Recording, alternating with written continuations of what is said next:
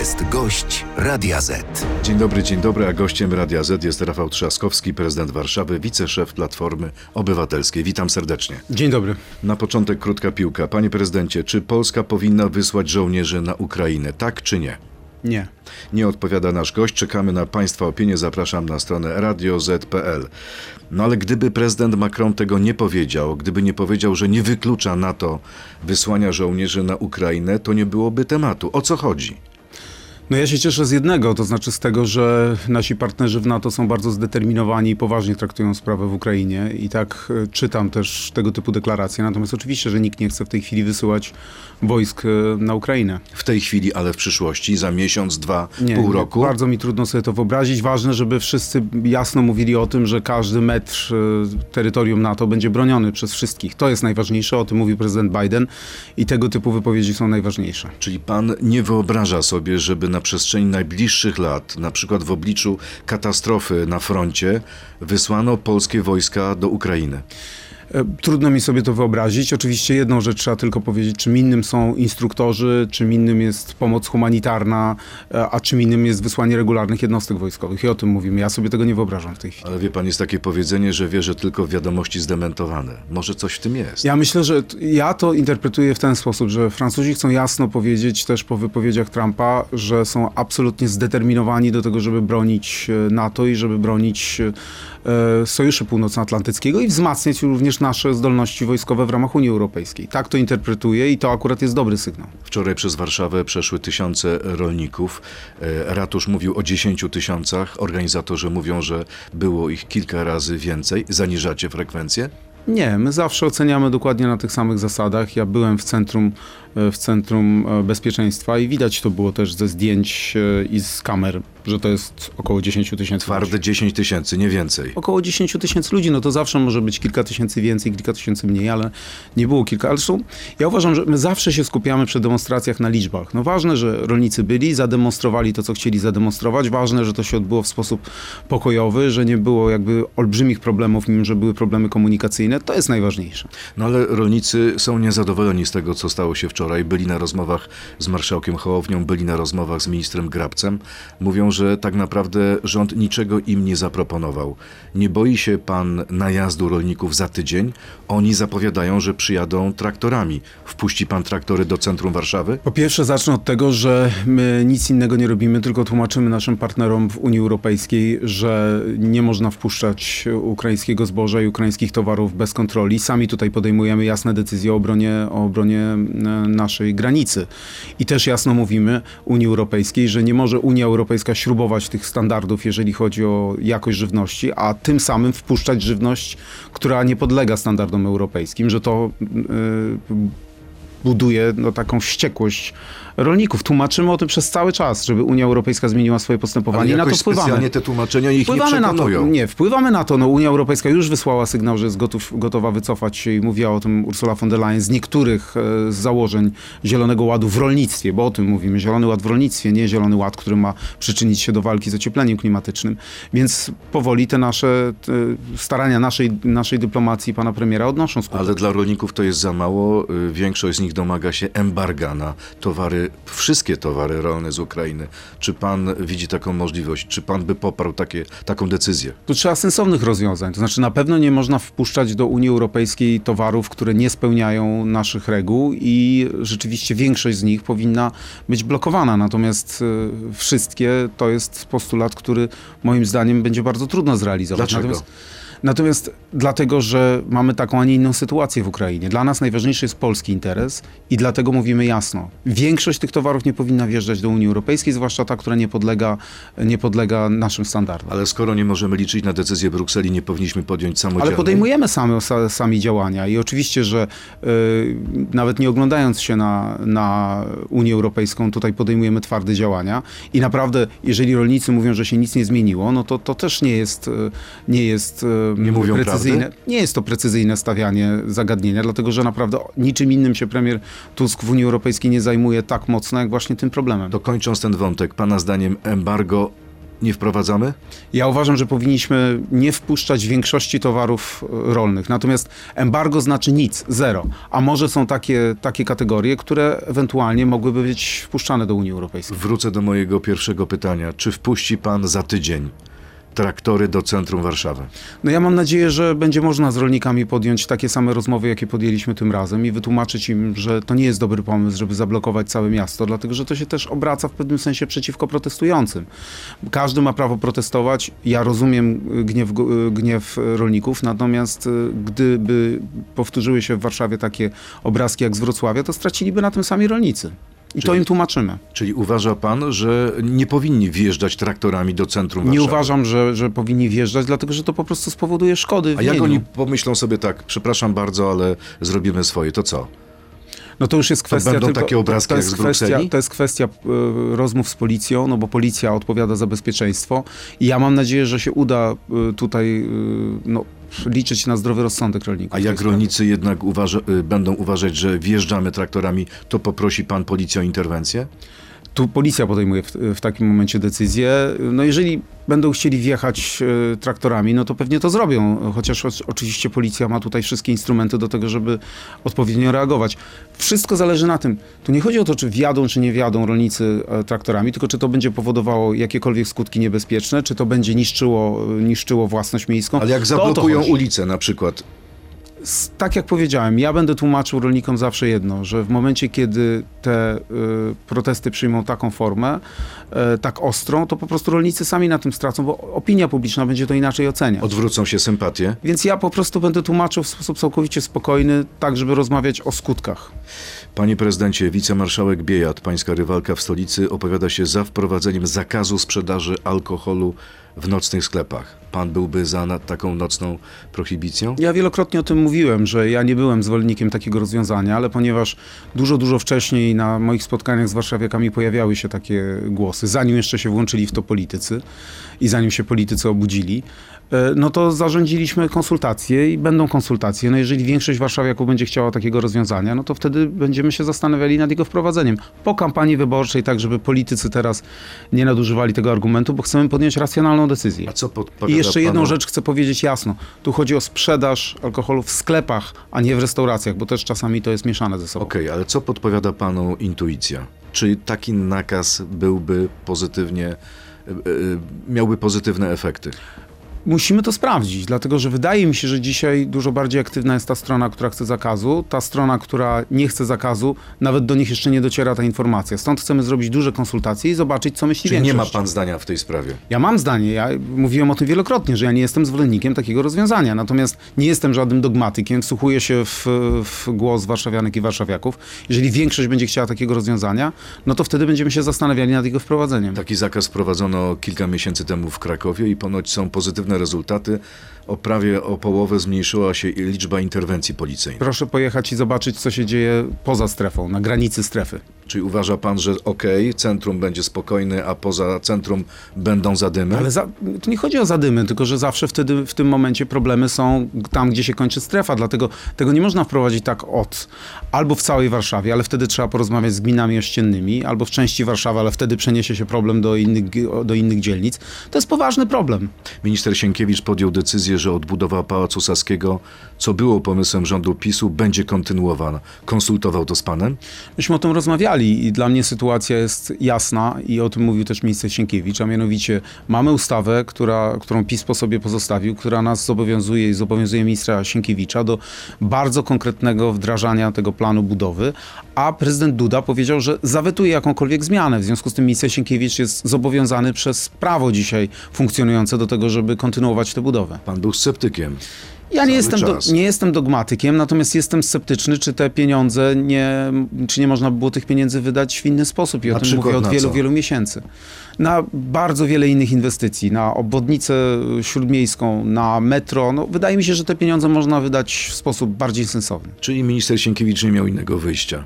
Minister Sienkiewicz e, jest zobowiązany istniejącym prawem. Z tego co wiem, minister Sienkiewicz raczej jest jednym ze zwolenników odbudowy, odbudowy pałacu. W przeciwieństwie do pana. Ja nie jestem dogmatyczny. Ja jestem do przekonania, jeżeli ktoś mi odpowie, co będzie z ingerencją w park, żeby nie było dużej wycinki drzew, co będzie z ruchem dookoła e, pa, parku Sa- Pałacu Saskiego, ale co najważniejsze, co ma tam być? Jeżeli tam będą tego typu funkcje, które będą otwarte dla wszystkich warszawianek i warszawiaków, czyli krótko mówiąc, Park Saski się nie zamknie i nie będzie tam jakaś zamknięta instytucja, tylko otwarta dla warszawiaków, jestem gotów o tym rozmawiać i Czyli w wspierać tej tego sprawie nie będzie się pan kładł rejtanem. Nie, nie będę. To teraz krótka piłka. Poproszę o krótkie odpowiedzi na trzy krótkie pytania. Prezydentura Polski byłaby dla mnie zaszczytem, tak czy nie? Dla każdego by była zaszczytem, ale ja się koncentruję na Warszawie. CPK zniszczy warszawiakom komfort życia, tak czy nie? Za mocne powiedzenie, natomiast na pewno zniszczy Okęcie. Polska powinna zaminować wschodnią granicę. Nie jestem ekspertem od tego, jak dokładnie bronić granicy, natomiast na pewno powinna sprawić wszystko, żeby granica była efektywnie broniona i żeby nie była dziurawa, tak jak za czasów PiSu. I mamy odpowiedź na nasze pytanie, pytanie w naszej sądzie, czy Polska powinna wysłać swoich żołnierzy na Ukrainę? Zdecydowana większość, 95%, tak jak nasz gość uważa, że nie, tylko 5% uważa, że tak. Gorący komentarz do tej sprawy zapraszam Państwa do części internetowej na Radio Z.pl, Facebooka i YouTube'a. To jest gość Radia Z. Czyli myślą ludzie tak jak pan. To chyba nie jest zaskoczenie, ale ten niepokój dotyczący tego, co dzieje się na Ukrainie, jest w nas. Niepokój tego, czy nie zaatakuje nas Rosja. Czy widzi pan taką realną perspektywę w najbliższych miesiącach otwarcia przez Putina drugiego frontu? Jeżeli czytamy, czytamy komentarze wszystkich ekspertów, którzy się znają lepiej e, na tym niż ja, e, na pewno nie ma takiego zagrożenia do momentu, kiedy Ukraina się broni e, i broni efektywnie i dlatego tak ważne jest wspieranie Ukrainy. Ten, to nasze powiedzenie, że Ukraińcy walczą za naszą wolność, to nie jest jakiś slogan, tylko to jest prawda. To znaczy, jeżeli Ukraińcy będą się bronić, jeżeli nie pozwolą Rosjanom na wygranie tej wojny, na kolejne przełamywanie frontów, a mogą to zrobić Ukraińcy tylko jeżeli będą otrzymywali od nas, od Unii, od NATO, od Stanów Zjednoczonych duże wsparcie, no to wtedy tego zagrożenia nie ma, bo Rosjanie nie otworzą drugiego frontu. Y, Pytanie od naszych słuchaczy. Pan Adrian, premier Grecji stwierdził, że polski rząd chciał wysłać naszych żołnierzy na Ukrainę. Kto kłamie, premier Grecji czy premier Tusk? Że premier Grecji twierdzi, że chcieliśmy greckich żołnierzy Nie, że wysłać, polski rząd chciał wysłać naszych polskich żołnierzy na Ukrainę. to jakieś, jakaś absolutna bzdura. Czyli wierzy pan premierowi Tuskowi, a nie premierowi Grecji. No myślę, że to jest raczej jasne. Myślę, że chyba nawet większość e, polityków PiSu powinna raczej wierzyć polskiemu premierowi niż greckiemu Tak pan premierowi. myśli? No raczej tak. Pan Piotr, czy będzie pan startował na prezydenta Polski? Jak tak, to jaki jest sens startować teraz na prezydenta Warszawy? No i też wielokrotnie odpowiadałem na to pytanie. My mamy naprawdę bardzo dużo w Warszawie do zrobienia i ja się absolutnie koncentruję na tym. Jako główny faworyt, pan Rafał, ciągle to w ludziach siedzi. Panie prezydencie, no taka jest prawda. Jako główny faworyt ogólnokrajowych wyborów prezydenckich, zamiast tracić czas na wybory samorządowe, to nie woli się pan skupić na przyszłej kampanii? Ja nie rozumiem w ogóle tak postawionego pytania, no jak można mówić, że marnuje się czas. No, Warszawa jest y, czymś dla mnie absolutnie fundamentalnym, najważniejszym priorytetem. Rozpoczęliśmy zmianę w centrum, zmiany we wszystkich dzielnicach. Chcę to dokończyć. Kolejne pytanie, Sylwester. Dlaczego w tej kampanii powtarza pan postulaty sprzed czterech lat? Więcej zieleni, więcej ścieżek rowerowych, kolejne linie metra, yy, udawane przejażdżki ZTM-em. Dlaczego to nie zostało jeszcze zrobione? Y, udawane, no ja jeżdżę cały czas metrem, autobusem, tramwajem, raz Może częściej, chodziło raz naszemu rzadziej. słuchaczowi o pokazówkę. Ale panie redaktorze, ja jeżdżę sam, bez żadnych kamer, bez nikogo, non-stop y, komunikacją. Natomiast zdarza się tak, że oczywiście jak jedziemy na, na, na, na przykład na konferencję prasową, no to wsiadają ze mną kamery, nic na to nie poradzę. Natomiast my kontynuujemy pracę i teraz oczywiście, że każdy konkurent polityczny będzie próbował wymyślić coś nowego. Jak na razie nikomu się nie udało, bo moi konkurenci wszyscy mówią tak samo o tym samym, co my robimy w Warszawie, tylko czasami mówią, że coś można zrobić szybciej. Są pańskimi naśladowcami? Nie, po prostu wymyślanie czegokolwiek nowego y, nie ma sensu w momencie, kiedy myśmy przedstawili bardzo konkretny, sensowny program i go po prostu realizujemy. Natomiast no, takich inwestycji jak metro czy tramwaje, no nie da się zrealizować i zakończyć w 5 lat. Kolejne pytanie. Dlaczego pan i radni Platformy nie zgadzacie się na referendum w stolicy, w którym to obywatele wypowiedzieliby się, czy chcą strefy czystego transportu w swoim mieście? Dlaczego boicie się demokracji bezpośredniej? Nie, nie boimy się demokracji bezpośredniej, ale no po to zostali wybrani radni i ja, żeby podejmować decyzje, również te decyzje, które nie są łatwe. I olbrzymia większość warszawiaków, i to sprawdzaliśmy, zrobiliśmy bardzo szerokie konsultacje, w których ja też uczestniczyłem, olbrzymia większość warszawiaków chce wprowadzenia strefy czystego transportu. Szerokie konsultacje, to ile osób się wypowiedziało w tych konsultacjach? Tysiące. Ja sam uczestniczyłem na Pradze południe, wysłuchiwałem ludzi, rozmawiałem z nimi. W związku z tym, no, takie są instrumenty. Mamy konsultacje, mamy przeróżnego rodzaju badania. Ja jeżdżę po Warszawie przez cały czas i na ten temat rozmawiam. Na każdym spotkaniu e, w dzielnicach rozmawialiśmy o tym. Pojawiła się dokładnie ta sama grupa e, sympatyków i polityków Konfederacji, którzy zadawali te same pytanie i za każdym razem większość sali była za wprowadzeniem strefy. aglomeracja warszawska liczy około dwóch milionów ludzi. Czy tysiące to nie jest trochę mało? No ale zawsze podczas konsultacji... kilka tysięcy, kilkanaście Ale podczas tysięcy... konsultacji zawsze się, zawsze się pyta tych, którzy chcą się zgłosić do konsultacji albo się przeprowadza pewne badania na, na próbie obywateli. Kolejne pytanie, dlaczego polityka klimatyczna Unii nie, jest tak niesprawiedliwa? Elity są zwalniane z podatków skorzystania z prywatnych samolotów, jachtów i produkcji luksusowych aut spalinowych. Politycy podróżują na koszt podatnika, więc ich nowe podatki nie uderzą. A jak zwykle za wymysły polityków zapłaci zwykły Kowalski. No ale to jest nieprawda, dlatego że oczywiście, że są podatki za te luksusowe autobusy i używanie, nie wiem, własnej awionetki bardzo dobrze. E, politycy w Polsce też się poruszają komunikacją miejską, czy poruszają się swoimi własnymi samochodami. Ja jestem tego najlepszym przykładem, że oczywiście mam samochód służbowy, ale też jeżdżę i komunikacją, i rowerem, i chodzę pieszo. I to wcale nie jest tak, że, e, że solidarnie nie, uczestniczymy w tym, żeby ponosić e, pewne koszty związane z e, wprowadzeniem tych rozwiązań, które doprowadzają do tego, że będziemy mieli czyste powietrze, że nie będziemy mieli iluś dziesiątek tysięcy śmierci, które mogłyby się nie wydarzyć, gdyby było czyste powietrze i nie byłoby tych związków azotanów i że po prostu nie pozwolimy, żeby planeta nam się spaliła. Czy ja dobrze rozumiem, że pan jest przeciw Zielonemu Ładowi, jeśli chodzi o sprawy dotyczące rolnictwa, a za tą drugą częścią Zielonego Ładu? Jak ja, to rozumieć? Tak, znaczy w olbrzymim skrócie, to znaczy są rozwiązania w Zielonym Ładzie dotyczącym rolnictwa, które idą po prostu za daleko. A zwłaszcza mamy problem, że Unia Europejska powinna najpierw jasno powiedzieć, blokujemy granice dla tych towarów, które nie spełniają naszych europejskich reguł, a dopiero potem rozmawiać ewentualnie o tym, żeby te reguły zmieniać. Natomiast jeżeli chodzi o walkę z ociepleniem klimatycznym, niech pan zobaczy, co się dzieje za oknem. Mamy luty. I oczywiście wszyscy się cieszymy, że jest wiosna. Natomiast generalnie rzecz biorąc, to jest luty najbardziej ciepły od dziesiątek lat. Jeżeli tak będzie się zmieniał klimat w takim tempie, to nam się planeta po prostu spali. Więc nie możemy nic nie zrobić. No dobrze, ale problemem. wie pan doskonale, że kwestia tej emisji Unii Europejskiej to jest około 7-8%, jeśli chodzi o CO2.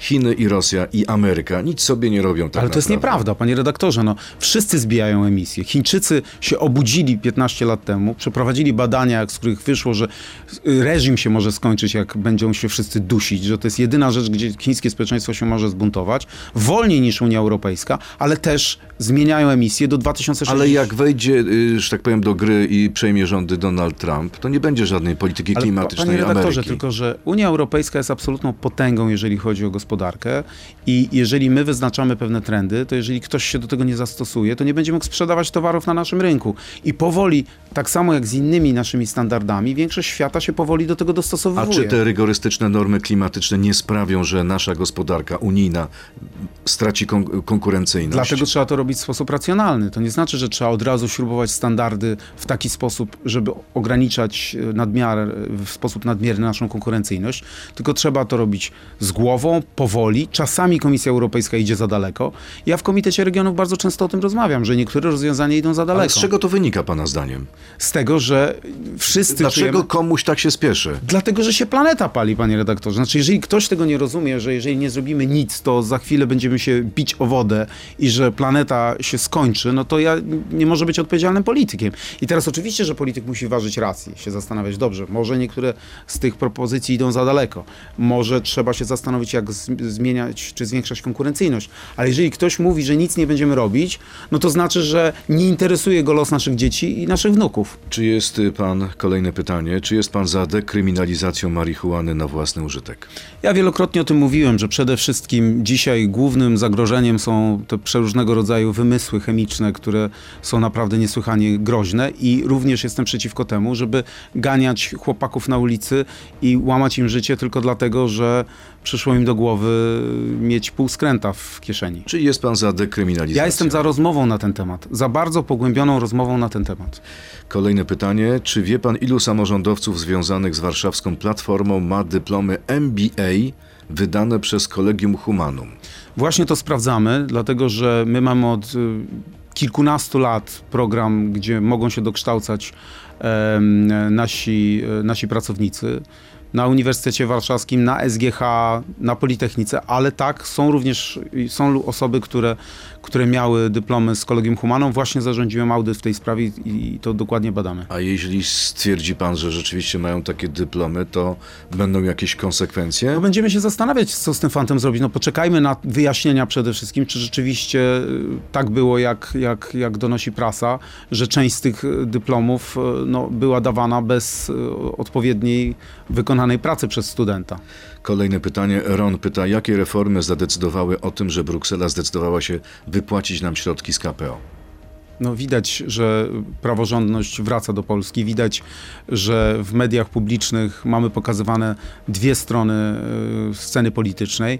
Pan y, minister Bodnar jasno zapowiedział, że przygotowuje y, ustawę i ona zaraz będzie gotowa całkowicie niezależnej pro- prokuraturze, która nie będzie składała się z po- politycznych nominatów. No, prokuratura, którą nam zafundował Ziobro, to byli po prostu zagończycy partyjni, którzy działali tylko na podstawie politycznych poruczeń. Tego Ale już nie ma. Przyzna pan, panie prezydencie, że Bruksela domagała się od nas uchwalenia konkretnych ustaw. Żadne ustawy nie zostały przyjęte i siedzący tu w tym studiu dwa dni temu Patryk Jaki mówił, że te wszystkie kamienie milowe to była ściema. Ja nie wiem, czy pan Patryk Jaki w ogóle wie, jakie były kamienie milowe, dlatego że kamienie milowe tylko w małej części dotyczyły praworządności i wszędzie tam jesteśmy na dobrej drodze. Mamy już normalne media, jeżeli chodzi o TVP Info i TVP, nie ma tam kłamstw i manipulacji, a jeżeli chodzi o naprawianie wymiaru sprawiedliwości, jesteśmy na dobrej drodze. Więcej, pan minister Bodnar szykuje tego typu zmiany, które jak rozumiem nawet pan prezydent Andrzej Duda będzie mógł zaakceptować. I nie macie żadnego układu, nie było żadnego układu z Brukselą. Wstrzymajcie środki, wygramy wybory, dostaniemy środki. Oczywiście, że nie, to nigdy tak nie działa. Ale wie pan, że Patryk Jaki przypomina pańskie słowa z tego studia z 2018 roku. Pamięta pan, co pan powiedział? No, oczywiście. E, Na szczęście pieniądze z unijnego budżetu nie będą tracone bezpowrotnie, bo one będą mrożone. No oczywiście, no i właśnie na tym polega manipulacja polityków PiSu, dlatego że ja powiedziałem jasno w tej wypowiedzi, jeżeli mamy dwie możliwości, jedna, będziemy bezpowrotnie tracić pieniądze, bo to komisja chciała zrobić na początku, chciała nam zabrać te pieniądze na zawsze i druga propozycja była, mrozimy je do momentu, kiedy się nie poprawi sytuacja w Polsce, no to chyba jasne jest, że ta druga propozycja była lepsza, niż żebyśmy stracili bezpowrotnie te A pieniądze. Leszek Miller powiedział y, kiedyś w Polsacie, że prawdziwym kamieniem milowym była zmiana władzy. Zgadza się pan z nim? Nie, nie, nie, dlatego że to jest skrót myślowy. Y, Kam, kamieniem milowym Może było to... powiedział prawdę. Nie, dlatego że to znaczy to jest skrót myślowy.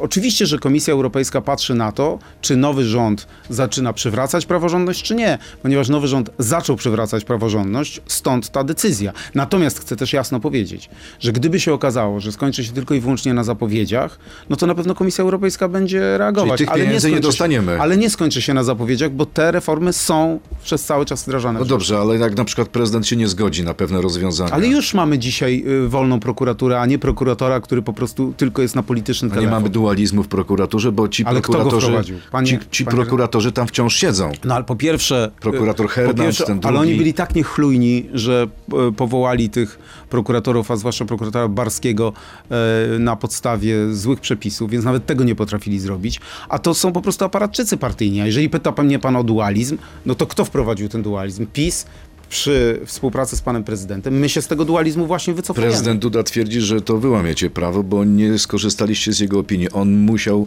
zaopiniować zmianę prokuratora Niech sobie pan krajowego. prezydent zrobi rachunek sumienia i y, zastanowi się, kto tak naprawdę przyłożył rękę, jest współodpowiedzialny za ten totalny chaos i za właśnie dualizm. Właśnie pan prezydent. Sylwester, dlaczego nie chce pan ulżyć warszawiakom mieszkającym blisko Okęcia i jest pan przeciwko wyprowadzeniu lotniska poza miasto?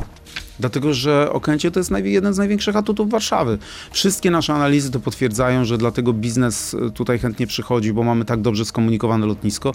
Wydaliśmy setki milionów złotych na pociąg, na rozwiązania komunikacyjne. Teraz wyrzucić to wszystko przez okno, to było niezrozumiałe. Ale chce pan wyrzucić wobec tego ten projekt budowy lotniska w Baranowie do kosza? Najpierw chcę pos- posłuchać prawdziwych argumentów. PiS żadnych argumentów nie przedstawiał. Pilnowało paru gości za setki tysięcy złotych pola na pytania, skąd wybudują największe lotnisko, ile to będzie ko- kosztować, kto tam będzie lądował, czy będą inwestować w lot. Nie odpowiadali. W tej chwili dopiero zaczęła się na ten temat poważna rozmowa. Poczekajmy, jeżeli rzeczywiście te analizy pokażą, że to ma sens, będziemy rozmawiać. Premier Tusk niedawno mówił, że wszystkie dotychczasowe ekspertyzy stawiają pod znakiem zapytania całą inwestycję CPK. Sęk w tym, że do tej pory nie została zaprezentowana ani jedna taka ekspertyza, a organizacja Demagog zweryfikowała te twierdzenia pana premiera i uznała, że to jest fake, że premier nie mówi prawdę. No Ale panie redaktorze, ja sam byłem na posiedzeniu sejmowym, kiedy PiS rządził i kiedy zadawałem pytania, bo ja przypominam, PiS mówił, że to będzie największe lotnisko świata.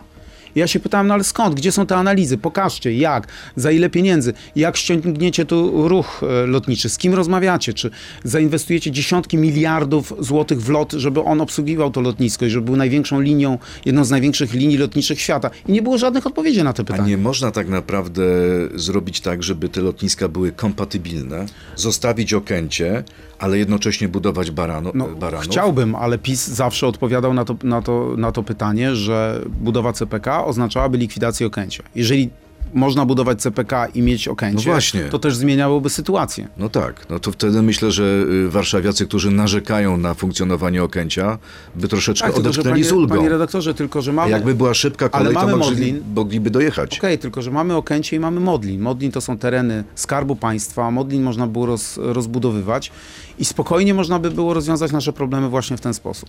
Panie prezydencie, pan Wojciech, kilka tygodni temu w tym studiu Tobiasz Bocheński sugerował, że pan Biedroń powinien ocenić, kto jest przystojniejszy, pan Bocheński czy pan. Czy uważa pan to stwierdzenie za homofobiczne, czy to rodzaj żartu? W ogóle dywagacje na ten temat uważam za mało poważne. A jakie ma pan zdanie na temat kandydata na prezydenta pana Bocheńskiego? Boi się pan go? Nie, ja się nikogo nie boję, natomiast każdego traktuję bardzo poważnie. O, to jest poważniejszy rywal niż pani m- y, wicemarszałek Biejat?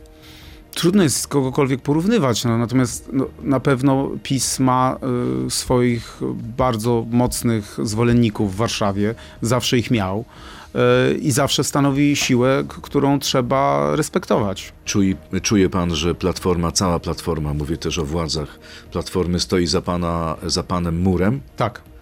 E, Rozmawiał pan ostatnio z Donaldem Tuskiem na temat przyszłości swojej, co po wygraniu wyborów w Warszawie? Nie, my się koncentrujemy absolutnie tylko i wyłącznie w tej chwili na wyborach samorządowych. E, Donald Tusk nie mówił pan, Rafał, masz moje błogosławieństwo, jak wygrasz w pierwszej turze, startujesz na prezydenta Polski? Ja nie wiem, jak można sobie wyobrażać, że w ogóle tego typu rozmowy kiedykolwiek No mają proszę nie miejsce o żartować. jakimkolwiek błogosławieństwie. No dobrze, ale to może E, nie mówię błogosławię cię Rafał, ale może powiedział Rafał, okej, wygrasz w pierwszej turze, startujesz na prezydenta Polski. Nic się z mojej strony nie zmieniło. Nigdy, nigdy to tak nie wygląda. Zawsze to wygląda w ten sposób, że się politycy koncentrują na zadaniu, które jest do wykonania. I myślę, że na tym też polega nasza siła, że nie budujemy jakiejś wizji na przyszłość, tylko koncentrujemy takich wizji dotyczących tego, kto będzie jakie stanowisko e, sprawował, tylko koncentrujemy się na tym, co tu i teraz. Chce pan wygrać w pierwszej turze? No chciałbym, żeby ten wynik był jak najlepszy, natomiast to wcale nie będzie łatwe, dlatego że 5 lat temu była pełna mobilizacja, żeby pokazać czerwoną kartkę PiSowi. E, W tej chwili e, mam nadzieję, że ta mobilizacja też będzie. No pytanie, czy ona będzie tak duża. Jeżeli będzie duża frekwencja w Warszawie, to myślę, że ten wynik będzie dobry. Będzie powtórka sprzed sześciu lat? Nie wiem, zobaczymy. To wcale nie będzie takie proste. Kolejne pytanie. Lech Kaczyński powinien mieć swoją ulicę w Warszawie. To pański cytat. A co z kobietami? Mniej niż 10% ulic w Warszawie ma kobiecą patronkę, a na ponad 450 pomników tylko 7 upamiętnia konkretne kobiety. I zmieniamy to. Chyba kobiety muszą głosować na Magdalenę Biejat, żeby mogły zostać odpowiednio docenione. No ale to jeżeli ktoś zadaje takie pytanie, no to powinien sobie odpowiedzieć na to, czy coś się zmieniło za mojej prezydentury, czy nie, jeżeli chodzi o prawa kobiet, a nad niczym innym się tak nie pochylaliśmy i mamy choćby da darmowy program żłobków, ale również jeżeli chodzi o ulic ulicę. powstało? Ale jeżeli chodzi o ulicę, no to mamy w ogóle program docenienia warszawianek e, choćby na polach mokotowskich i oczywiście za każdym razem, kiedy są wnioski o patronki dla warszawskich ulic, to ja takie wnioski popieram. Kolejne pytanie. Jan, jakie są Przypominam też o tym, jak e, nowy most, jaką ma patronkę. Jakie są pańskie plany na rozwój metra warszawskiego? Warszawa ma póki co dwie linie metra, a docelowo ma ich pięć. Czy gwarantuje pan, że po ewentualnym zwycięstwie w wyborach na prezydenta Warszawy uda się panu osiągnąć ten cel, jakim będą co najmniej cztery linie? Jeżeli będą pieniądze europejskie, to tak, to będziemy kontynuowali ten program. Ile tych europejskich pieniędzy musi pan dostać? No, jedna stacja, Z jakich funduszy? jedna stacja metra potrafi kosztować między 300 a 400 milionów złotych. Ja sam wywalczyłem, bo nie było tych pieniędzy w budżecie unijnym, że dostaniemy miliard y, z unijnego budżetu i te pieniądze już są odblokowane. Natomiast na to, żeby budować tego typu inwestycje, y, trzeba dziesiątek miliardów złotych. Mam nadzieję, że z KPO będzie można używać pieniędzy na ten cel i mam nadzieję, że w kolejnej edycji budżetu unijnego znajdą się pieniądze właśnie na budowę metra. Krystian, dlaczego utrudnia pan wraz z radnymi ze swojej formacji politycznej życie kierowcom, zwężając co chwila ulice, przez co tworzą się jeszcze większe korki? Dlaczego w tym mieście, to jest cytat, chory aktywista ma więcej do powiedzenia niż zwykły mieszkaniec? Panie Krystianie, gdzie zwężyliśmy ulicę? No, pan Krystian nie jest na, na łączu, więc y, No więc właśnie, ale to... nie to ma jest- takiej To sytuacji. jest powtarzanie? Nie, tylko że my, jeżeli mam, panie redaktorze, podjąć decyzję, czy uprzywilejować komunikację miejską, która przewozi e, 10 razy więcej osób niż komunikacja samochodowa, no to oczywiście, że priorytet ma komunikacja miejska. Kancelaria premiera zapowiada, że budowa przydomowych schronów ma być zwolniona z obowiązku uzyskania pozwolenia formalnego. A co ze schronami w Warszawie? Czy ma pan, jest pan po takim raporcie, po inwentaryzacji, ile tych, na ile schronów mogą liczyć warszawiacy? Jesteśmy po inwentaryzacji, wiemy, gdzie warszawiacy mogliby się schronić. No choćby mamy stację metra, mamy podziemne parkingi, mamy y, tego typu infrastrukturę. Natomiast nie było, PiS tyle mówił o bezpieczeństwie, natomiast nie było y, ustawy o obronie cywilnej. Dopiero w tej chwili ona jest przygotowywana przez ministra Kierwińskiego. Razem współpracujemy i będziemy oczywiście wzmacniać bezpieczeństwo, bo to jest absolutnie sprawa fundamentalna. A ile teraz jest schronów w Warszawie? Ile te schrony mo- mogą pomieścić ludzi? Panie, biorąc pod uwagę 2 redaktorze, miliony jeżeli ludzi. bierzemy pod uwagę y, wszystkie miejsca, gdzie się warszawiacy mogą schronić, Czyli na jeszcze przykład raz, metro. na przykład metro, pa- parkingi podziemne, to jest miejsce, żeby się schronili wszyscy warszawiacy. 2 miliony? Natomiast tak, natomiast trzeba przygotować te miejsca, trzeba je dobrze oznakować, trzeba zrobić dokładny plan, trzeba ludziom pokazać, gdzie mogą się chować. I oczywiście dzisiaj też ważne jest to, żeby podjąć, żeby takie prawo przyjąć, żeby na przykład budując kolejne szkoły, budując kolejne budynki użyteczności publicznej, tam zadbać o to, żeby tam się znalazły również schrony. Żeby dzisiaj te miejsca, które takie schrony mają, na przykład y, szkoły tysiąclatki tak zwane, żeby tam nie było y, magazynów, tylko żeby one zostały oczyszczone i żeby tam było gotowe miejsce na jakąkolwiek ewentualność. Tylko do tego jest potrzebna podstawa prawna i dlatego pracuje rząd nad y, ustawą o ochronie cywilnej. Zaczęliśmy od polityki Europy wobec Ukrainy, kończymy również tym wątkiem. Czy mm, myśli pan, że Radosław Sikorski ma szansę zostać kimś ważnym w Unii? Tak. A kim może zostać? Trudno powiedzieć, dlatego że te dyskusje się dopiero rozpoczną. Natomiast y, pani y, przewodnicząca Ursula von der Leyen sama powiedziała, że y, dobrze by było, żeby był komisarz odpowiedzialny za sprawy dotyczące obronności. Y, no na przykład w tej sprawie y, minister Sikorski ma nieprawdopodobne kwalifikacje, więc na pewno będziemy walczyli jako kraj o to, żeby mieć jak najlepsze portfolio w Komisji Europejskiej. Czy będzie to minister Sikorski, czy on w ogóle będzie chciał podjąć się takiej misji, czy będzie chciał zostać dalej ministrem spraw zagranicznych, to się okaże. Natomiast na pewno ma szansę. A ta deklaracja niedawna ministra Sikorskiego, że jego syn jest amerykańskim żołnierzem, może mu pomóc czy zaszkodzić w Europie? Nie mówię o Polsce. Dzisiaj o tym przeczytałem. No, podwójne obywatelstwo jest oficerem wojsk, które walczą o to, żebyśmy byli bezpieczni, jeżeli chodzi o cyberbezpieczeństwo. Nie widzę, żeby to w jakikolwiek sposób mogło wpłynąć na, e, na, na, na tę sprawę. A, a taki, no, czasami lewicowy antyamerykanizm Europy nie może tutaj Znaczy, no nie wierzę, przeszkodzić? Znaczy, to tylko chyba może być atut, że czyjś syn jest oficerem, który dba o cyberprzestrzeń również Unii Europejskiej. No nie rozumiem, jak można próbować, próbować byłoby wykorzystać ten, ten fakt przeciwko ministrowi. To było coś nieprawdopodobnego. No to jest chyba dokładnie na odwrót. A pan? Ma No mój syn aspie- nie jest wojsko Ja amerykańskie. nie pytam o syna, ale kto wie, bo jest jeszcze młody, więc kto wie. Nie ma podwójnego obywatelstwa. Ale wtedy może być na przykład żołnierzem Polski, tak? No dobrze, ale pytam o, o coś innego, mianowicie czy pan ma jakieś aspiracje, jeśli chodzi o bycie kimś ważnym w Unii Europejskiej? Nie, nie mam takich aspiracji. Naprawdę pan nie myśli o tym? Nie. Nie chciałby pan być jakimś komisarzem? Nie.